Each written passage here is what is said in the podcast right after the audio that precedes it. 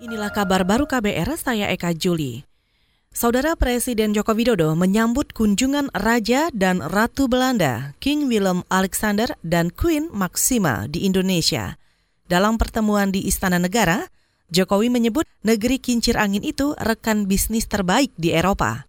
Dalam kunjungannya ini, Raja Willem membawa serta pengusaha-pengusaha besar dari Belanda. Belanda adalah salah satu mitra penting Indonesia di Eropa salah satu mitra strategis di bidang perdagangan, investasi, dan pariwisata.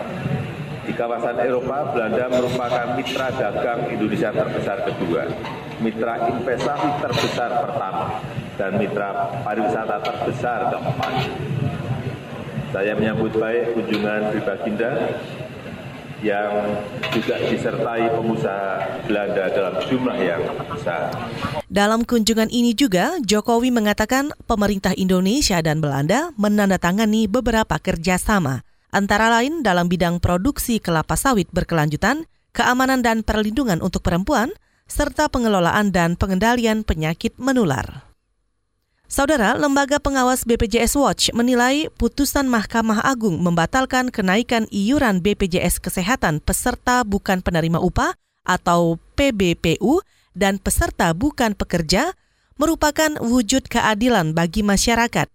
Koordinator Advokasi BPJS Watch Timbul Siregar beralasan, kenaikan iuran BPJS dinilai memberatkan peserta mandiri. Ini nanti menjadi PR pemerintah ke depan bahwa potensi penerimaan yang harusnya kalau saya hitung dengan total 30 juta 248.656 peserta per 31 Desember per 1 Januari 2020 kemarin dengan total pembagiannya 4,1 juta pekerja apa peserta kelas 1, 6,4 juta kelas 2 dan 19,64 uh, kelas 3 itu kalau dia dibatalkan berarti dia potensi yang bisa diterima hanya sekitar 13 triliun. Koordinator Advokasi BPJS Watch Timbul Siregar juga menduga tidak menutup kemungkinan BPJS Kesehatan bakal kembali menaikkan iuran peserta dengan adanya fluktuasi dan penyesuaian harga.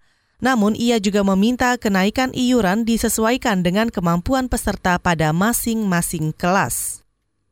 Saudara, Organisasi Penerbangan Sipil Internasional prihatin atas dampak ekonomi pada sektor transportasi udara dan penerbangan sipil yang diakibatkan wabah virus corona. Maskapai di seluruh dunia sudah menangguhkan penerbangan atau memodifikasi layanan sebagai respon menghadapi epidemi ini. Dikutip dari Reuters, maskapai United Airlines akan memperpanjang masa pembatalan seluruh penerbangan ke China hingga akhir April. Hal yang sama dilakukan American Airlines Group yang merupakan maskapai penerbangan terbesar Amerika Serikat. Mereka memperpanjang penghentian penerbang dari dan menuju ke China serta Hong Kong sampai 24 April. Selain itu, Uni Emirat Arab juga menunda seluruh penerbangan dengan rute Iran setidaknya selama sepekan lantaran penyebaran virus corona di Republik Islam tersebut.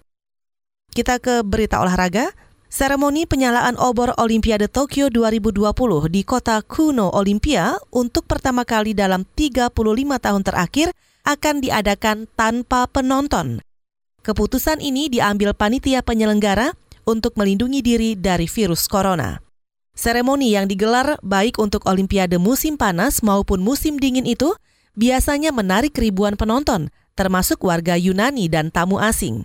Panitia penyelenggara juga akan menggelar gladi bersih tanpa kehadiran media. Wali Kota Olimpia sudah menyurati Presiden Komite Olimpiade Internasional Thomas Bach dengan mengajukan penangguhan seremoni itu sampai Mei. Saudara demikian kabar baru, saya Eka Juli.